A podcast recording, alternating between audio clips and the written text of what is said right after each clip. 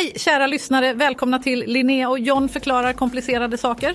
Hejsan alla! Vi är tillbaka med ett nytt spännande avsnitt och dagens ämne det är tidsresor möjliga? Och det är en riktigt intrigerande fråga John. Jag är övertygad om att många av er har ju funderat på liknande saker. Definitivt Linnea. Vem som helst med en förkärlek för sci-fi har drömt om tidsresor. Till antingen framtiden eller tillbaka till det förgångna. Och låt oss börja med att förstå vad tid är. Tid är främst en uppfattning eller ett sätt att mäta och förstå händelser från vad som har hänt, händer just nu, till vad som kommer att hända. Bra poäng. Eh, tid är en del av det större konceptet som vi benämner rumtid. Och i universum rör vi alla oss genom denna rumtid som du kan visualisera som en slags väv som sträcker sig genom hela universum.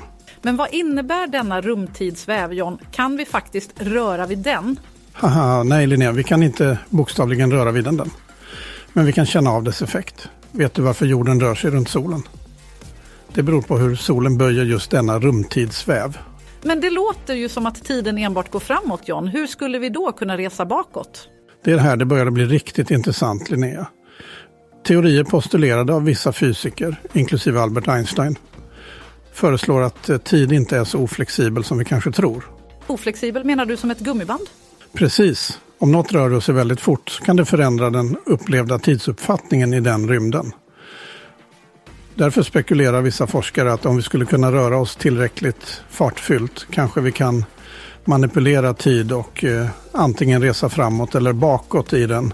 Men det låter ju orimligt John. Eh, hur skulle vi ens ha möjlighet att konstruera en sån maskin? Ja, det får vi till att börja med lämna till våra framtida ingenjörer, Linnea. Men tanken är fängslande, visst? Absolut, men jag måste medge att resa i tiden verkar extremt krångligt. Ja, det skulle det verkligen vara. Men tänk på alla möjligheter. Upptäcka framtidens teknik, möta dinosaurier, möjligtvis till och med träffa våra egna tidigare eller framtida jag.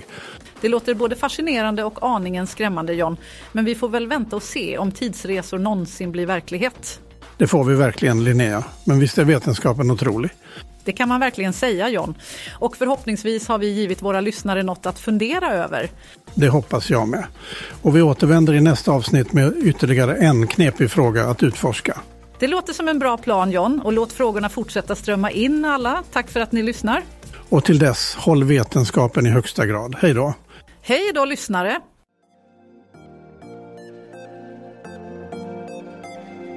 You have listened to an AI generated podcast by Pod Industry.